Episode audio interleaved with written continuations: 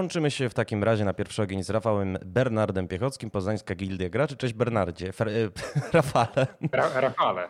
Tak. Cześć, Patkinie. Akurat mi twoje drugie imię utkwiło w pamięci, ale utkwiło mi też w pamięci, że musimy naszym słuchaczom, zanim jeszcze będziemy rozmawiać o nowych narzędziach dostępnościowych Fantasy Expo i nowej grze Game the Same, wytłumaczyć, czym ta dostępność w ogóle jest. No, dostępność można podzielić powiedzmy na takie dwa obszary, jeżeli chodzi o gry komputerowe. Jedna taka podstawowa sprawa to jest unikanie barier, czyli aby deweloperzy tworzący gry komputerowe nie stawiali po prostu barier niektórym graczom. A drugi obszar to jest bardziej dostosowanie pewnych opcji, czyli faktycznie już takie z myślą o konkretnych użytkownikach, takie dostosowanie funkcjonalności gry, żeby niektórym użytkownikom po prostu grało się lepiej, wygodniej, albo żeby po prostu w ogóle mogli zagrać daną grę, bo, bo nie zawsze dany tytuł będzie dostępny. Mm, wiesz co, pytam też troszkę przekornie, dlatego że temat dostępności z angielskiego accessibility e, pojawił się e, na sztandarach, pojawił się na językach w dość nieszablonowym kontekście. Mianowicie dwa lata temu miała miejsce premiera Sekiro, Sekiro Shadows Die Twice e, i pamiętam doskonale, że wówczas no, rozgorzała dyskusja, czy gry wideo powinny mieć w związku z potrzebami osób z niepełnosprawnościami tryb łatwy. No i stanowisko w tej sprawie zabierali najwięksi, bo i IGN, i VentureBeat, y, Digital Trends, czy na polskim podwórku y, Gram.pl. Jakie jest Twoje zdanie? Wiesz co, ja uważam, że nie powinniśmy deweloperom tego narzucać. Ja lubię, jak gra komputerowa ma tryby powiedzmy łatwiejsze, bo mogę nie mieć na przykład ochoty na wyzwanie i mogę po prostu chcieć sobie zagrać bardziej w trybie fabularnym czy, czy na jakimś łatwiejszym poziomie trudności, ale nie chciałbym zmuszać dewelopera, który chce na przykład stworzyć trudną grę. I to jest jakby cecha tej gry, że ona ma być trudna, żeby na siłę e, ten deweloper musiał tę grę powiedzmy upraszczać. On powinien stosować pewne rzeczy, które jakby dotyczą innych graczy, czyli nie powinien na przykład stosować kolorów, tylko i wyłącznie kolorów do oznaczania niektórych rzeczy, co sprawi problemy osobom, które kolorów nie rozpoznają czy też nie powinien opierać wszystkiego na dźwiękach a, i, i tak dalej. Jest dużo innych rzeczy, które powinien ten deweloper zrobić, e, a pozostawiłbym jego decyzji to, czy on faktycznie chce poszerzyć grono odbiorców. I to nie tylko chodzi o graczy z niepełnosprawnościami, to chodzi o graczy powiedzmy, którzy rzadziej grają, e, czy też on, jego celem jest zrobienie gry trudnej, która nie będzie po prostu zwyczajnie dla, dla każdego. No i też chyba trochę o silver gaming, to znaczy graczy po 50, a tych jest, y, przypomnę, coraz więcej. Już y, ESA i organizacje europejskie y, zaczynają faktycznie pochylać się nad tą problematyką. Natomiast wiesz co, to co mówisz koresponduje z tym, co odparował właściwie kończąc dyskusję o tym Sekiro Steven Spoon, jeden z szefów Able Gamers, który zatweetował w pewnym momencie, że już jest y, zmęczony tą dyskusją o poziomie easy, y, którą zresztą toczą czasem wpływowi ludzie, dziennikarze, nawet czasem producenci i wydawcy, kontynuując jakieś takie zamieszanie, a tymczasem dostępność oznacza opcję, a nie łatwą rozgrywkę. No tak, zazwyczaj wiesz, bo co znaczy łatwość rozgrywki? Bo gracz z niepełnosprawnością może wcale nie mieć problemu z trudną rozgrywką. On może natrafić na barierę w takiej postaci, że na przykład nie będzie w stanie obsłużyć gry domyślnym układem klawiszy. E, albo woli obsługiwać grę padem niż myszką. No, nie mówimy konkretnie o tej grze, tylko ogólnie. Więc zanim w ogóle dojdziemy do samego poziomu trudności samej rozgrywki, to ten gracz, dowolny gracz, to będzie gracz z niepełnosprawnością, czy jakikolwiek inny gracz, może natrafić na wcześniejsze bariery, które spowodują, że dla niego tytuł będzie trudny, ale nie wynikający z tego, że jest przeciwnik trudny, tylko że sama, sam gameplay, sama rozgrywka, samo techniczne używanie tej gry jest dla niego problematyczne. Więc y, to, to jest pierwsza rzecz, czyli, czyli to jest ten obszar taki w zasadzie, jak na początku powiedziałem o tych dwóch obszarach, czyli to byłby ten obszar pierwszy, że deweloper postawił na przykład jakieś bariery. Gracz nie będzie w stanie obsłużyć tej gry takim, a nie innym e, schematem klawiszy i powiedzmy deweloper nie da możliwości zmiany, więc to jest dla gracza bariera. Natomiast ten drugi obszar to są jakby takie rzeczy zwiększające dostępność. Tutaj wiesz, no, chociażby wyłączenie elementów tych QTE mhm. już może dla wielu graczy. Ja na przykład ja je wyłączam, mimo że sobie z nimi radzę, one mnie irytują, ja je wyłączam. I tylko dla mnie to jest wybór, ja sobie z nimi poradzę. A są gracze, którzy po prostu z całą grą mogą sobie świetnie radzić a taki element spowoduje no, dla nich po prostu to będzie coś nie do przeskoczenia zwyczajnie po prostu fizycznie. Właśnie pamiętam, jak rozmawialiśmy z, e, na okoliczność tekstu o graczach z niepełnosprawnościami, który mm, przygotowywaliśmy, zresztą byłeś jednym z rozmówców e, do CD Action e, i odezwał się do nas gracz, który no miał jakąś niepełnosprawność ruchową i bardzo narzekał, że on nie może przejść The Walking Dead od Telltale, czyli wiesz, najłatwiejszej gry na świecie, w której te quick time eventy to jest jakiś taki tak, y, mają tworzyć taką efemerydę rozgrywki, natomiast dla niego ta efemeryda była nie do przejścia, bo po prostu nie był w stanie tak szybko klikać w guziki pada czy klawiatury. No ja słyszałem o graczu, który narzekał, że chyba w którymś Need for Speedzie były te Quick Time Events, więc gra, w którą ten gracz mógł sobie super radzić, wyścigi relatywnie powiedzmy proste do obsługi, a nagle jest, pojawia się element zupełnie jakby no, niezwiązany z podstawową rozgrywką, zupełnie inny schemat no i, i nie do przeskoczenia. Na szczęście dzisiaj jest tak, że bardzo wiele tytułów, nie wiem czy nie większość, pewnie większość, pozwala na wyłączenie e, tych quick time eventów. E, nie mogę się też, e, Rafale, pozbyć takiego wrażenia, że co prawda Quick Time Event to jest zupełnie opcjonalna sprawa, ale wiele z tych narzędzi dostępnościowych, które ty wspomniałeś, no właściwie na ich implementacji skorzystalibyśmy wszyscy, no bo e, e, powiedziałeś w pewnym momencie o tym, że warto zadbać o konfigurowalność klawiszy. No ja jako gracz z doświadczeniem no wielo, wieloletnim, nie chcę słuchaczom zdradzać jak wielkim, y, no mam swoje przyzwyczajenia i dość często mi się zdarza y, no mimo wszystko dostosowywać klawiszologię pod siebie. Jeżeli chodzi o y, jednoczesne przekazywanie informacji za pomocą i dźwięku i obrazu, no to właściwie no, wszyscy zyskalibyśmy na sytuacji, w której, nie wiem, Lara Croft powiedzmy, że się topi i jednocześnie gra nam sygnalizuje to drżeniem pada, ciemniejącym ekranem i jakimiś sugestywnymi dźwiękami. No po prostu jest to żywsze, lepsze, lepiej przemyślane doświadczenie. Czy się zgodzisz z taką niezbyt kontrowersyjną zresztą tezą? No pewnie, bo tutaj zahaczamy jakby o dwa tematy. Pierwsze to jest takie, że accessibility zazwyczaj zwiększa usability, czyli jakby stosowanie tych, tych zasad e, poszerza po prostu użyteczność samego produktu, no, w tym przypadku gry komputerowej.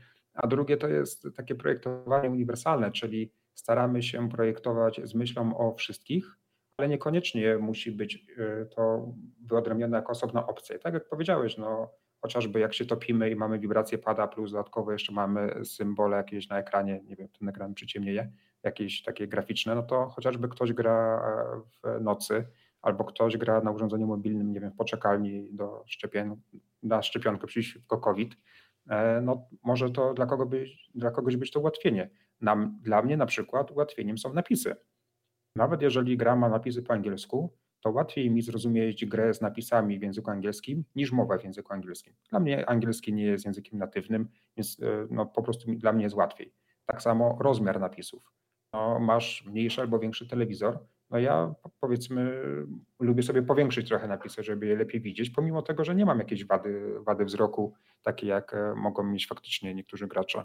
Następna kwestia, że jak się rozwalisz na kanapie przy takim y, Wiedźminie trzecim i obserwujesz go z pewnej odległości, no tam właśnie pamiętam, że były niekonfigurowalne napisy y, i ja z tym miałem problem, nie? bo lubię grać po prostu w pozycji leżącej, lubię y, rozłożyć się mając jeszcze wokół siebie jakieś przekąski, nieprzekąski, a w tym momencie no, musiałem bardzo wytężać wzrok, żeby cokolwiek zauważyć.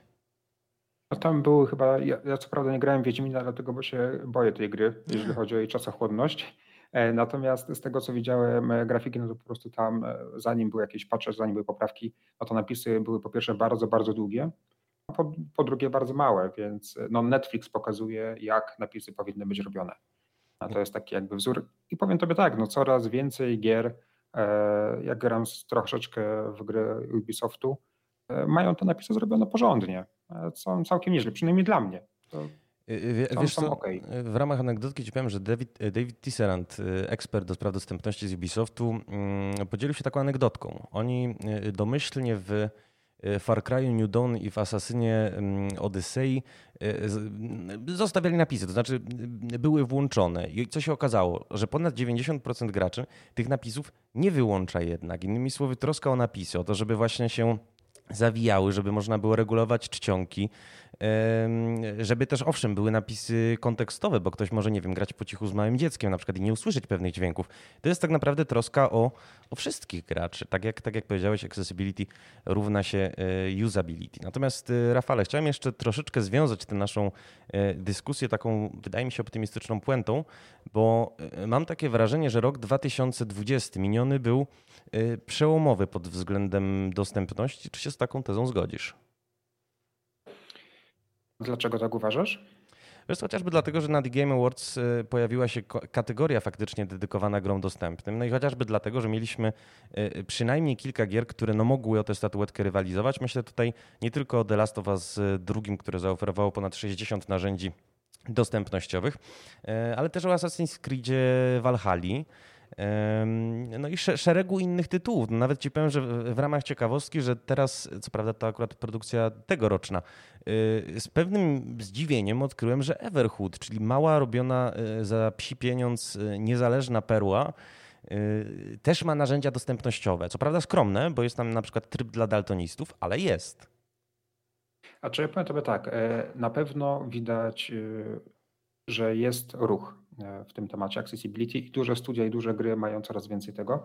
I wracając na przykład do Ubisoftu, e, grałem, nie pamiętam czy to był Watch Dogs, czy to był Immortals. W razie przy uruchomieniu tej gry od razu pojawił się narrator domyślnie, coś czego się nie spodziewałem. E, od razu go połączyłem, no bo mnie akurat narrator irytuje, mhm. ale no, jest fajną opcją, że coś takiego w ogóle ta gra wspiera, wspiera narratora. Myślę, że jest spory problem troszeczkę i my jako stowarzyszenie troszeczkę bardziej w tym obszarze działamy z takimi deweloperami, którzy tworzą mniejsze gry. To są deweloperzy, którzy robią te gry samodzielnie albo w jakichś małych zespołach. Tutaj faktycznie jest y, problem z wiedzą. Może fajnie, że te duże tytuły mają osobne zakładki, że w tych dużych tytułach jest jakby czasami wzorcowo albo coraz lepiej pokazane, jak, jak pewne rzeczy należy robić. Bardzo jest mało gier takich dużych, gdzie na przykład e, kolor zielony i czerwony tylko i wyłącznie jest stosowany do oznaczania czegoś, już jest zazwyczaj uzupełniony jakiś tam symbol. Czy zdarzyło się, że chyba w Quantum Break e, taki, na taki element natrafiłem. Więc jest dużo rzeczy naprawdę fajnie zrobionych. Te gry Ubisoftu, no, na przykład napisy mają zrobione e, całkiem, całkiem nieźle, a pamiętam, że kilka lat temu był, miałem olbrzymi problem, ja jako osoba e, całkiem nieźle widząca, z obsługą menu na ekranie telewizora w jakiejś tam grze na Wildlands, e, no po prostu napisy były na jakimś takim teksturowanym tle, kropkowanym, co powodowało, że, że one po prostu były dużo, dużo mniej czytelne. Więc jest, ja nie wiem, czy to jest przełom 2020 rok, w każdym razie na pewno dużo się dzieje i w zakresie sprzętu, i w zakresie gier, i to jest jakiś taki proces, który się uruchomił, który ma tendencję takiej kuli śnieżnej, że on się faktycznie dzisiaj jest trochę passé, jak wydawałoby się grę, która ma jakieś takie elementarne błędy związane z dostępnością. Ale problem jest, myślę, jeszcze spory w świadomości mniejszych graczy i mniejszych studiów. No tam po prostu trochę brakuje jeszcze tej wiedzy. A wiedzy to powiedzmy mniejszy problem, bo to można szybko nadrobić, ale przede wszystkim świadomości że z ich dzieł korzystają też osoby, które mogą mieć jakieś problemy. I no wiadomo, jak jest gracz, deweloper samodzielny, to najczęściej on sobie samemu tę grę testuje, testuje wśród znajomych. E, nie, nie zawsze każdy jest taki otwarty, żeby tę grę wypuścić do testów, nie wiem, na Facebooku, na Discordzie dla, dla ludzi. Więc jest tam troszeczkę jeszcze problemów. Nawet nie troszeczkę, całkiem w sumie sporo. No powiedzmy, że brakuje świadomości e, również tego, że tak naprawdę projektowanie gier dostępnych, jeżeli się myśli o dostępności od początku, wcale nie jest e, trudnym zadaniem. E, I jeszcze może w takim razie kończąc nasz, przynajmniej ten segment naszej audycji, podpowiedzmy niezależnym twórcom, którzy mogą nas słuchać, gdzie taką wiedzę można zdobyć. No w internecie, najprościej mówiąc. Wiesz, Wiedza jest dostępna, wystarczy w Google wpisać e, Game Accessibility i stron wyskoczy bardzo dużo. Jest taka strona Game Accessibility Guidelines, która zawiera w bardzo fajnej formie e, zebrane wszystkie, wszystkie te rzeczy.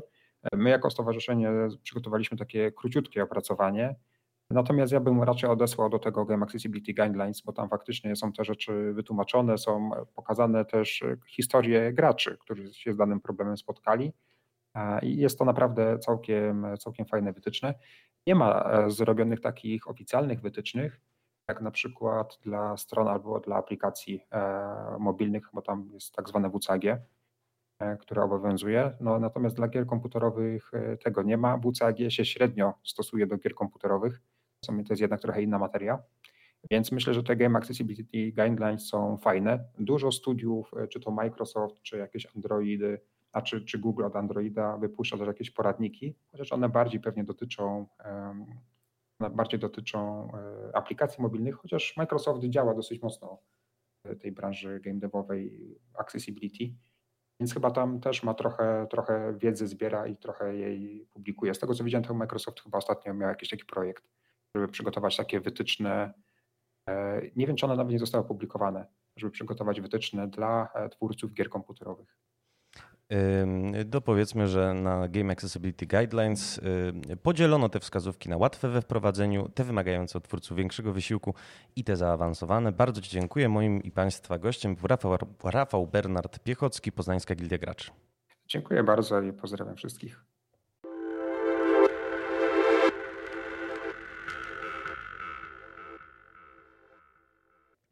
I łączymy się z Justyną Oracz i Asią Mark z Fantasy Expo. Cześć dziewczyny. Dzień dobry, jeszcze raz Dzień musimy dobry. zacząć. Dokładnie. Asia ja Mark z Polskiej Ligi Sportowej. Y, tak. Jeszcze raz, y, przepraszam cię Justyna. Spoko, jeszcze raz właśnie, bo ten, są dwie różne firmy, nie? W sensie teraz. Ja jestem z Polskiej Ligi Sportowej. Y, afiliacje rzeczywiście mm, y, różnorakie, natomiast cel wspólny. Y, zresztą zawiera się już w nazwie akcji, o której zaraz porozmawiamy, mianowicie Gaming bez barier. No i czy pozwolicie, że taką króciutką introdukcję naszym słuchaczom zrobię? Poprosimy.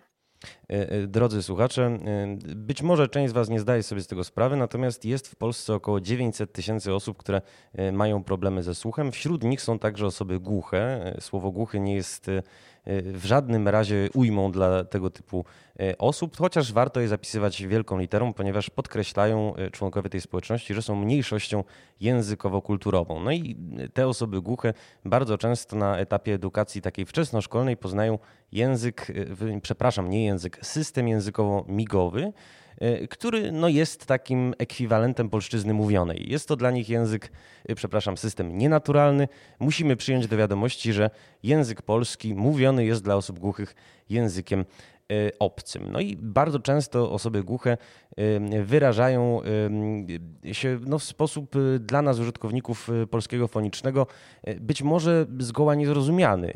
Ich gramatyka opiera się na ekspresji, na bardzo często przestrzeniach pomiędzy początkiem a końcem znaku, które wyznaczają jego intensywność, wyznaczają jego wymowę. Y, ta przydługa introdukcja jest nam konieczna dlatego, żeby lepiej wytłumaczyć y, no, akcję, fenomenalną akcję, jaką dziewczyny tutaj y, przyszły, zgodziły się omówić. Mianowicie powstał we współpracy z Fundacją Akademia Młodych Głuchych oraz Sevenetem no, taki system, takich 19 znaków, które tłumaczą no, podstawowe pojęcia w CSGO. Dziewczyny, jakie to są te podstawowe pojęcia, których wcześniej nie było, a które miejmy nadzieję y, no, są jakimś takim zwiastunem dobrej zmiany, jeżeli chodzi o dostępność rozrywek, rozgrywek esportowych. Jako, że Counter-Strike to jest gra bardzo strategiczna, która charakteryzuje się metajęzykiem zrozumiałym dla tych, którzy są e, w CS-ie od lat i się nim pasjonują i ten język jest potrzebny do zrozumienia rozgrywki, dynamiki e, tych meczów. I to są słowa między innymi takie jak full, nate, molotov, echo, rush, ace czy smoke, które dla każdego gracza są oczywiste. Dla tych, którzy się na CESie nie znają, trochę mniej, e, co nie zmienia faktu, żeby zrozumieć dobrze taktykę e, i komentatorów, takie słowa trzeba poznać i, i zrozumieć przede wszystkim.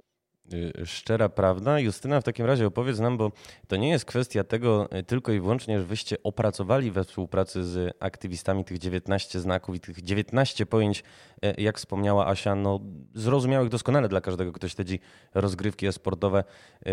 Są teraz one również dostępne dla mm, użytkowników polskiego języka migowego, ale też sprawdziliście w praktyce, jak to działa podczas Polskiej Ligi e-sportowej. Jak to wyglądało i jakie były reakcje?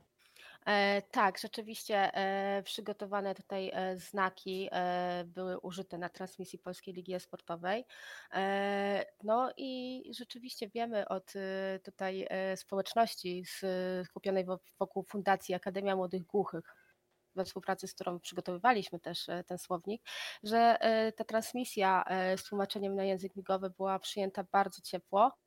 E, Bardzo pozytywnie. Wiele osób było zaskoczonych tym, że właśnie e-sport przełamał kolejną barierę e, i umożliwił po prostu osobom do tej pory wykluczonym śledzenie rozgrywki na żywo. E, I w tym momencie moim zdaniem był to naprawdę krok milowy w tym, żeby naprawdę szerokiej społeczności przybliżyć e-sport. Krok milowy i miejmy nadzieję, że nie jedyny. To znaczy, y, wiem pokątnie, że to nie jest ostatnie słowo, jakie powiedzieliście w temacie. No, marzy nam się, żeby y, roz, rozszerzyć ten słownik też y, na inne tytuły gier. E, Zobaczymy, co czas pokaże i czy rzeczywiście uda nam się to rozszerzyć na tytuły takie jak League of Legends, czy FIFA, czy inne e, popularne tytuły gier. I. My jako Polska Liga Esportowa oczywiście jesteśmy otwarci na transmisję rozgrywek z tłumaczeniem na język migowy na żywo, bo zrobiło to ogromne wrażenie wśród społeczności. e, Nie tylko tej stricte esportowej, ale właśnie społeczności głuchych. Dostawaliśmy e, feedback, że jest to naprawdę unikatowe dzia działanie nie tylko w skali polskiej, ale, ale również światowej. Zgromadziliśmy publiczność, która niekoniecznie do tej pory interesowała się esportem, ale chociażby z ciekawości przyszła zajrzeć, e, czym ten e-sport jest i jak e, powodujemy, że zrozumienie jego jest bardziej dostępne. Mm, Więc rozumiem, że y, nie tylko zamierzacie rozszerzyć działalność na kolejne dyscypliny, ale też możemy oczekiwać, że kolejne eventy przez Was organizowane mm, no, również będą miały y, tłumacza polskiego języka migowego. My na to i to jest kwestia otwarta i zarówno mi, jak i Justynie i, i całemu zespołowi, który współpracował przy tworzeniu tego projektu, nam na tym bardzo zależy, bo widzimy, że to jest y, dobro obopólne, także będziemy lobbować w tym kierunku, żeby to był proces y, kontynuowany. Mm, Bardzo oczywiście jako polski GMD w tej inicjatywie kibicujemy. To jeszcze zadam Wam dziewczyny pytanie podchwytliwe. Jakiej wielkości był tłumacz? I jak był ubrany? E, O, tłumacz To jest też ciekawa kwestia. Justyna, ty rozpocznij śmiało. E, Tłumacz e, był ubrany tak jak zazwyczaj jest ubierany do, do, do, do transmisji, raczej do tłumaczeń języka migowego. Tutaj dziewczyny jakby nam zasugerowały najlepsze, najlepszą kolorystykę, tak żeby ten tłumacz też się wyróżniał na tle transmisji oraz żeby widoczne było to, co miga, więc przede wszystkim były to ciemne koszulki, ponieważ w tym momencie ręce kontrastują z ubiorem e, i bez problemu można odczytać e, to, co tłumaczą.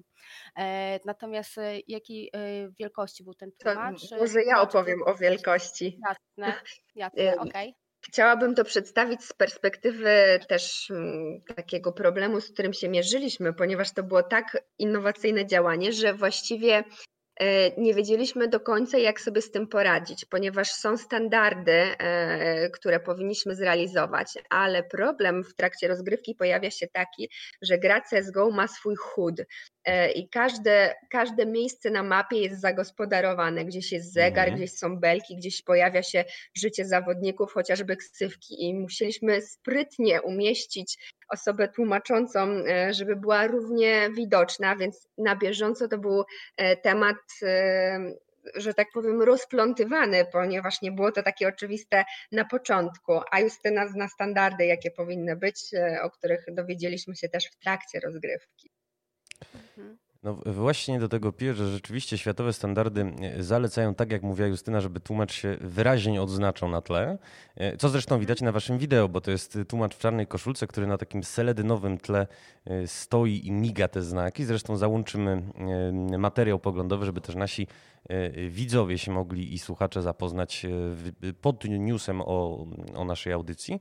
E, I e, zalecają również te same światowe standardy, żeby tłumacz e, zajmował minimum e, jedną ósmą ekranu, a jest to ważne dlatego, że e, no, z praktyki takiej funkcjonowania mediów, e, no ja pamiętam na przykład jak telewizja polska podczas e, debaty prezydenckiej zmniejszyła tego tłumacza do raptem 1,30 ekranu, a media później obiegły zdjęcia głuchych no, z nosami wbitymi w odbiorniki. Tak naprawdę no, jest to mega ważne, ponieważ tak jak wspomnieliśmy wcześniej, e, no musi osoba głucha e, widzieć nie tylko jaki znak wykonuje tłumacz, ale też e, jaką ma ekspresję na twarzy, jak go przedstawia, no bo ta intensywność rozgrywek CSGO jest bardzo duża i tutaj też może z tym znakiem dużo zrobić.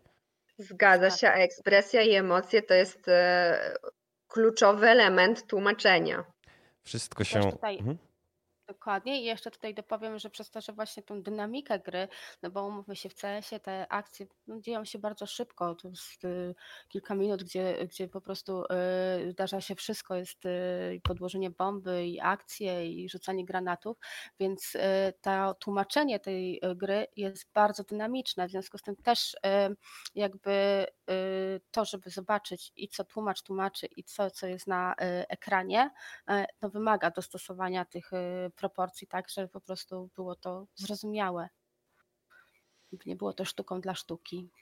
A powiedzcie mi jeszcze dziewczyny, czy wy znacie jakichś takich odznaczających się zawodników polskich e-sportowych, bo mnie przychodzą do głowy Sebastian Kotwicz-Kolczyński, bardzo popularny youtuber polski, no i Adam Gajda, nasz e, mistrz Tekena, też osoba z niepełnosprawnościami. Czy macie jakichś takich bohaterów, którzy udowadniają, że rzeczywiście gaming jest bez barier? To ja opowiem o moim e, koledze, sąsiedzie z mojego rodzime, rodzimego miasta, o Kofinie, Marcinie Bieleńczuku, który jest niesamowitym pasjonatem e-sportu, e, nie tylko CSGO, ale również innych FPS-ów, który ma ogromne wsparcie od swoich rodziców i jest naprawdę mogłabym powiedzieć fanatykiem esportowym, jeździ na wszystkie turnieje i naprawdę, mm, drodzy słuchacze, jeżeli sprawdzicie sylwetkę Marcina, to będziecie pod ogromnym wrażeniem, jak e, pasja motywuje do działania. Marcin również jest streamerem, więc jeżeli będziecie mieli ochotę e, obejrzeć jego rozgrywkę i, i wpaść w ten podziw, który ja miałam osobiście oglądając jak gra, to zapraszam serdecznie. Oczywiście polecamy śledzić e, sociale Kowina, no i po polecamy śledzić kolejne inicjatywy Fantazy Expo i Polskiej Ligi Esportowej. Moimi gościniami była Justyna Oracz i Asia Marks. Dziękuję, Dziękuję bardzo. zaproszenie.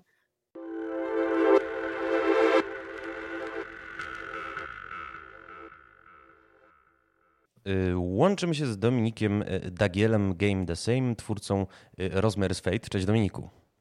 Cześć, witaj.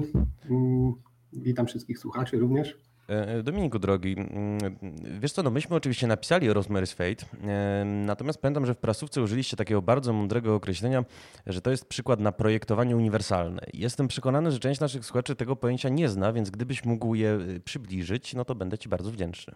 Powiem Ci szczerze, że ja do końca sam nie wiem, co to jest. Znaczy mam pewne jakieś przesłanki, a wynika to z tego, że mamy część y, ludzi pracujących w Owińskach, to są specjaliści z ośrodka y, dla dzieci niewidomych. I komunikat wyszedł y, od, od Marka, który jest tam takim działaczem bardzo zaangażowanym. No i ubrał go w te swoje słownictwo, którym operuje. Ja się spotkałem z terminem po raz pierwszy, mimo że tam bywam w Owińskach i jesteśmy bardzo często na na tych y, kolach. Więc no, nie, nie powiem. Nie Dobra, to może ja z ciebie. Może zdejmę z ciebie to brzemię, bo ja ci powiem, że ja usłyszałem ten termin podczas rozmowy z y, aktywistami Poznańskiej Gildii Graczy, która się zajmuje niepełnosprawnością przed monitorem, tak zwaną dostępnością. E, I oni to porównali, bo, bo faktycznie jest taki termin, do architektury. To znaczy chodzi o to, żeby projektując na przykład budynek mieszkalny, zadbać o to, żeby były e, niskie progi, żeby były windy, i to jest takie ułatwienie z pozoru przydatne tylko dla osób z niepełnosprawnościami, w praktyce również dla e, emerytów, osób, które uległy e, wypadkom, kobiet, nie wiem, z dzieckiem małym, albo w ciąży, albo z zakupami. Generalnie jest to takie zaprojektowanie budynku, ażeby każdy nie miał problemu z dostępem do niego. No i wydaje mi się, że to się również przekłada na język gier wideo, czego Rosemary's Fate ma być przykładem. No, to akurat potwierdzę, ponieważ mm, akurat naszym głównym testerem jest y, Michał Brajer, który jest niewidomy od urodzenia i wszystkie takie mm, zmiany y, pod niewidomych to wychodzą y, z jego pomysłów i inwencji. Um, pasują do opisu, który przedstawiłeś sytuacji. I Właśnie. właśnie y, Dobrze, że wspominasz, bo miałem się ciebie pytać, na czym właściwie polega y, y, wasza współpraca ze specjalnym ośrodkiem szkolno-wychowawczym dla dzieci niewidomych w Owińskach?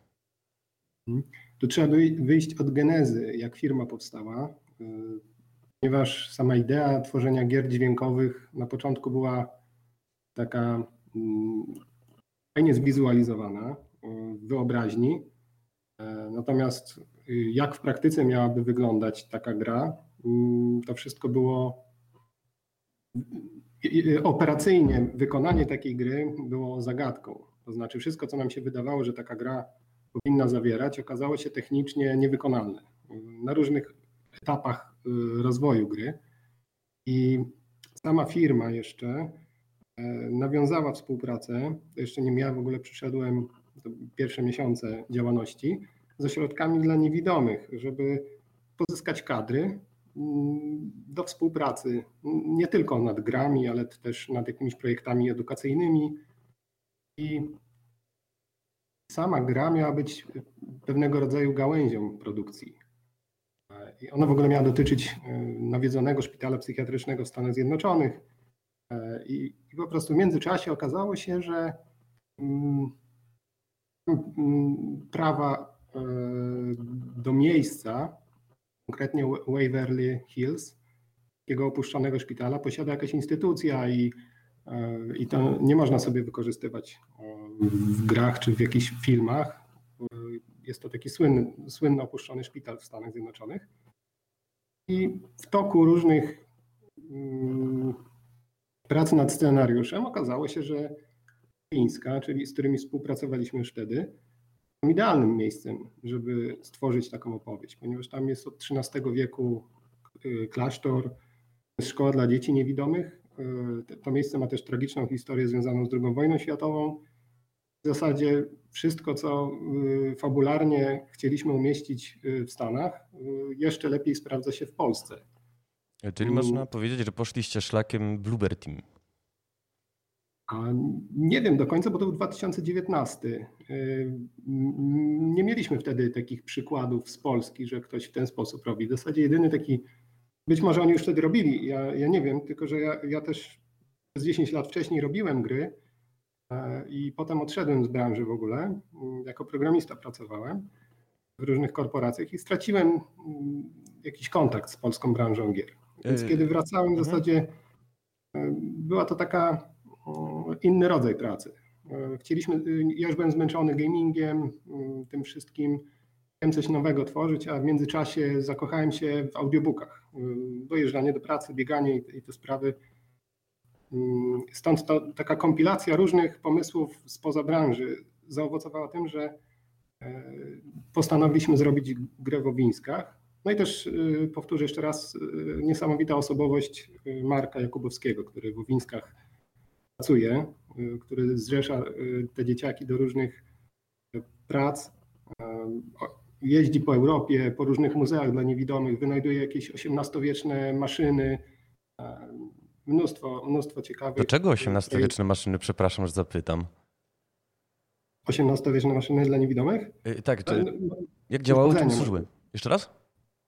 Może nie maszyny, tylko urządzenia. Mhm. Um, Ja, jako jeden na przykład podam, że w XVIII wieku niewidomi konstruowali y, różne przyrządy, jakieś y, między, y, mieli na przykład biuro do rysowania, takie prawie mm, 3D jakby, mm, no może nie 3D, no takie jakby ryciny robili. Książki powstawały w ogóle przed językiem Braille'a, właśnie mm, oparte o wypukłość.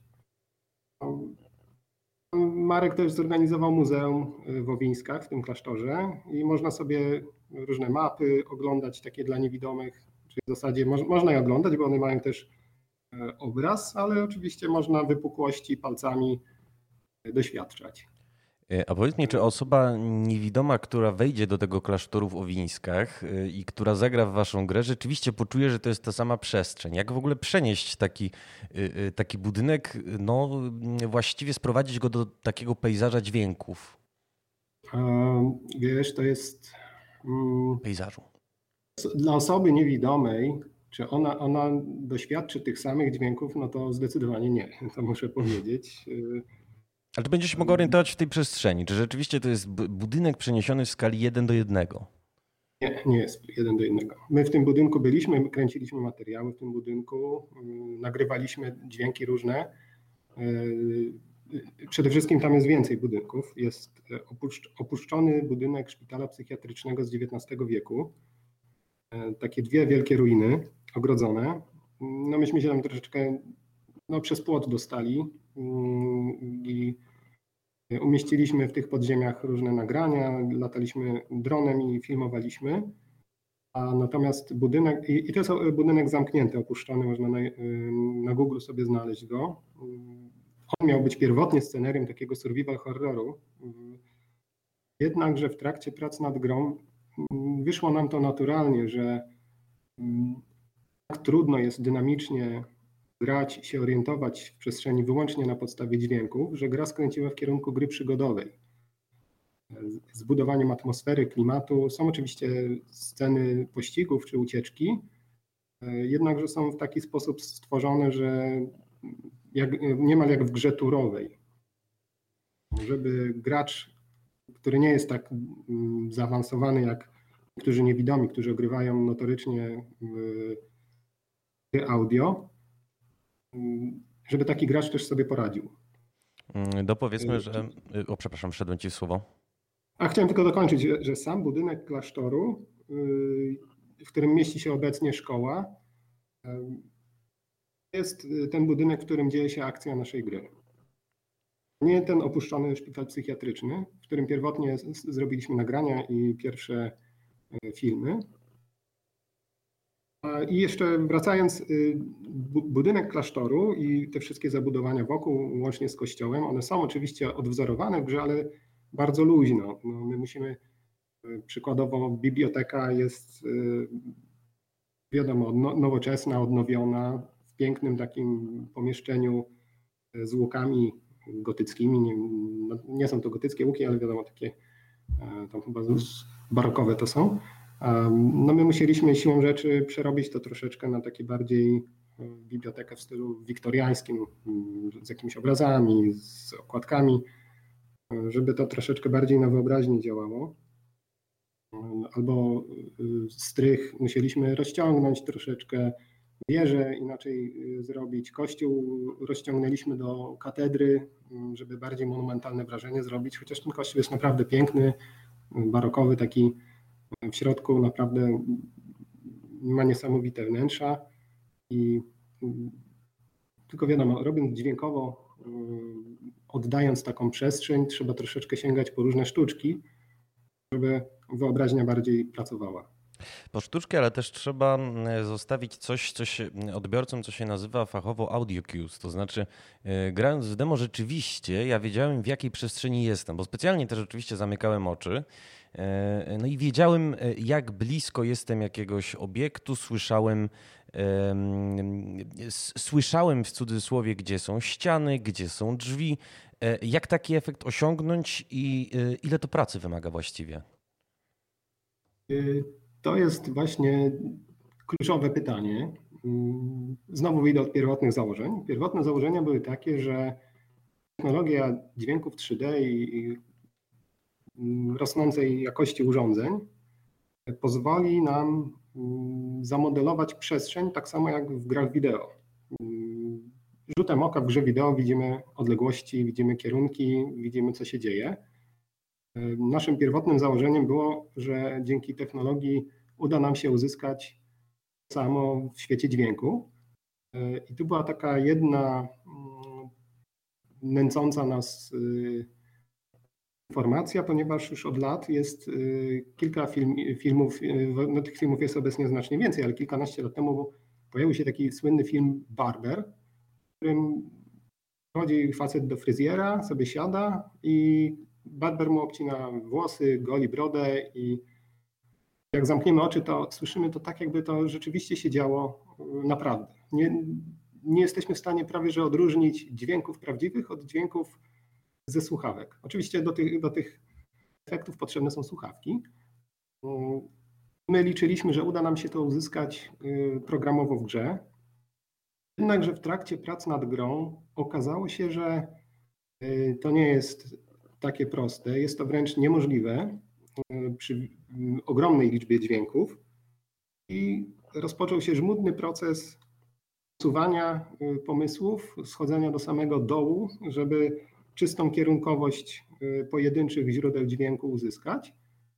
A potem rozpoczął się jeszcze bardziej żmudny proces ubierania tych dźwięków i dodawania nowych w taki sposób, żeby tych dźwięków głównych nie niszczyły. E, I techniki, z których korzystamy, to jest przede wszystkim technologia binauralna, czyli takie odwzorowanie naszej, tego jak my słyszymy. Najprościej, najprostsze urządzenie, które umożliwia nagrywanie w technologii binauralnej, to jest sztuczna głowa. Można zobaczyć sobie, E, jak wygląda na przykład na YouTube, jak są nagrania zrobione z taką sztuczną głową. Ewentualnie można sobie wsadzić mikrofony w uszy i nagrywać, tylko że wiadomo, w grze jesteśmy w stanie e, mm, nagrać wcześniej wszystkich możliwych scen. Musimy to y, programowo zrobić, więc y, zaczęliśmy używać różnych algorytmów, które emulują podobne doznania. I oprócz tego wchodzi cała masa y, heurystyk i my zakładamy, co powinniśmy wyciszyć, co możemy włączyć w danym momencie, żeby nie zaburzyć obrazu przestrzeni. Więc jeżeli mówisz, że słyszałeś mniej więcej, gdzie są drzwi, czy słyszałeś, że, że zbliżasz do jakichś obiektów, potrafię się sobie wyobrazić, no to, to jest to, co chcielibyśmy uzyskać, na czym nam najbardziej zależy. Y, jeszcze cię tylko dopytam, zanim y, mi umknie, bo ja co prawda znam pojęcie heurystyki, ale jako pojęcie y, z zakresu logiki. Co to znaczy, że wchodzi heurystyka? Dobrze, już tłumaczę. Na przykład mamy kilka algorytmów, które bardzo dobrze oddają fizyczne właściwości dźwięku, czyli jakieś odbijanie od ścian, przesunięcia fal i tym podobne. I one budują nam obraz y, przestrzenny dźwięku. I kiedy wsadzimy y, nasz, naszego gracza wewnątrz pomieszczenia, gdzie te wszystkie dźwięki grają, spodziewamy się, że on dzięki temu się odnajdzie, ale nagle się okazuje, że tych dźwięków jest za dużo. I trzeba odsiać. Tak, trzeba niektóre usunąć i robimy pewne, pewne rzeczy absurdalne z punktu logicznego. Na przykład jestem przy oknie, słyszę jak y, wichura wieje za oknem, idę 3 metry, a jestem w pokoju. Nie powinno to wpłynąć na głośność. Raczej powinienem słyszeć tą wichurę tak samo, ale u nas ona jest radykalnie wyciszona, to żebym mógł usłyszeć, wiem, że, że czajnik jest na gazie w innym miejscu. Czyli stosujemy różne sztuczki, żeby oszukać nasz umysł. A powiedz mi przy okazji, bo to jest bardzo ciekawy wątek. To znaczy, ja się zastanawiałem, ogrywając Rosemary's Fate, demo, które zresztą jest publicznie dostępne na Steamie, zachęcamy do pobrania. E, dlaczego na przykład nie ma mm, opisu fotografii e, tej babki Mary w szpitalu psychiatrycznym? Bo pojawia się fotografia, która jest dość istotna dla rozgrywki. Co więcej, później pojawia się druga fotografia, na której e, no, no porównujemy i nie ma jednej z postaci, która później okazuje się, mm, domniemuje dość kluczowa. Natomiast osoba niewidoma, E, nie ma okazji, żeby zobaczyć te fotografie. Co więcej,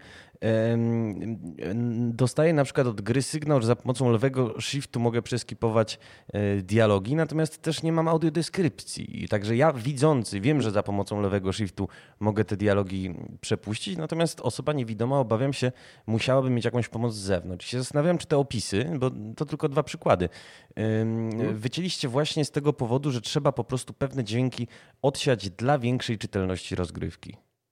Y, tutaj wyszliśmy z innej strony, czyli na początku, y, bo mówisz o intrze, które jest graficzne na YouTubie. Faktycznie tam Też. jeszcze nie ma transkrypcji. Nad kilkoma wcześniejszymi filmami, y, pod kilkoma już mamy transkrypcję. nad tym trailerem jeszcze się nie pojawiła. Natomiast ten trailer jest skrótem intra z gry. Tylko ja ode mnie mówię. Jest powiedziane. Nie jest. Y, nie jest. Grałem nawet dzisiaj, panie kolego. Proszę mnie tutaj nie. Proszę mi nie ściemniać, bo specjalnie tak, sprawdziłem dziś. the child next to my great grandpa. Y, jest wszystko powiedziane w grze, w intro. Mm, no ale wiesz, no nie ma opisanego, nie ma opisanej dokładnie zawartości zdjęcia. Jest zasygnalizowane, że jest takie zdjęcie, na którym znajduje się postać, ale z drugiej strony no jakoś poczułem, że jest to doświadczenie niepełne. No. Znaczy, y, wydaje mi się, że yy, yy, rzutowałeś swoje doświadczenia z obejrzenia trailera na to, co słychać w intro. U nas było odwrotnie. Najpierw powstało intro i tą opowieść, i my na bazie tej opowieści później stworzyliśmy film, tylko wyłącznie dlatego, że musieliśmy w jakiś sposób graficznie zachęcić y, graczy, żeby w ogóle zainteresowali się tytułem. Pewnie. Ponieważ y, Żadna gra audio nie osiągnęła sukcesu. Niestety. Mimo, że wierzymy, że istnieje potężna luka y, na takie produkty, a mówię to dlatego, że przez 5 lat prawie pracowania w korporacjach ja byłem uzależniony od audiobooków i do teraz mi to zostało. Cały czas słucham codziennie audiobooki i wiem, że taka luka istnieje też w świecie gier, że są ludzie nawet widzący też zmęczeni y, obrazem, znudzeni tak samo wyglądającymi kolejnymi 3D efektami i chcieliby w wyobraźni coś poczuć, pograć w książkę, że użyję takiego określenia. I e, w dialogu, w intro są wszystkie informacje powiedziane i one są zaakcentowane, tylko że rozumiem też, e, do tej transkrypcji dojdziemy później, może jeżeli będziemy omawiać e, konkretnie w jaki sposób niewidomi postrzegają na przykład gry, Także zmierzam do tego, że y, no, no, będę bronił tego stanowiska, że nie wszystko trzeba dokładnie opowiedzieć. Y, bo zresztą to jest jeden z głównych zarzutów niewidomych do naszej gry, e, że jest po angielsku i nie wszyscy tam rozumieją. A drugi właśnie, że nie ma takiej transkrypcji, że opowiedzieć wszystko, co tam jest, ponieważ my się nastawiliśmy, że chcemy y, tworzyć atmosferę, w której sobie wyobrażamy wszystko. My Ponieważ żadna gra nie odniosła jeszcze, wrócę do wątku, dlaczego gry mm, audio nie odniosły sukcesu, ponieważ wszystkie mają pewien wspólny mianownik. Wszystkie mówią, że e, straciłeś wzrok, jesteś blind, e, lub mają w nazwie coś z black e, i, i zakładają, że z góry, że bohater nie widzi. My wyszliśmy od innej strony. Uważamy, że tak jak w audiobooku nie zakładamy, czy w słuchowisku, że postacie nic nie widzą, my zakładamy, że to jest po prostu inny świat, który przedstawiamy dźwiękowo.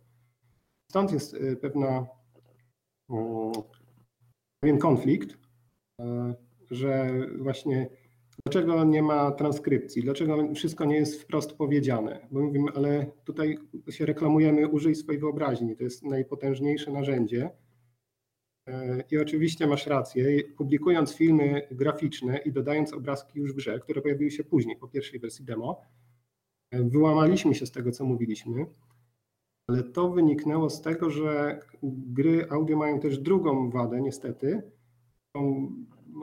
że słabo się ogląda, jak ktoś gra w taką grę, bo jest ciągle czarny ekran, więc w zasadzie, jeżeli ktoś nie komentuje ciekawie, nie opowiada, a jeszcze oglądamy to bez słuchawek, w zasadzie się przewija. Y, nawet nie wiemy, co będzie dalej. Więc my dopuściliśmy ilustracje, y, ale mówiąc sobie, tak jak w książce mamy ilustracje, które pobudzają naszą wyobraźnię, my dodamy do gry również ilustracje. Y, tylko, że te ilustracje nie mogą zdradzać dokładnej, dokładnej lokalizacji, nie mogą być częścią, one mają być tak jak ilustracje w książce, mają oddziaływać na wyobraźnię tego, kto na nie zerknie, ale nie mogą pomagać zbytnio w grze.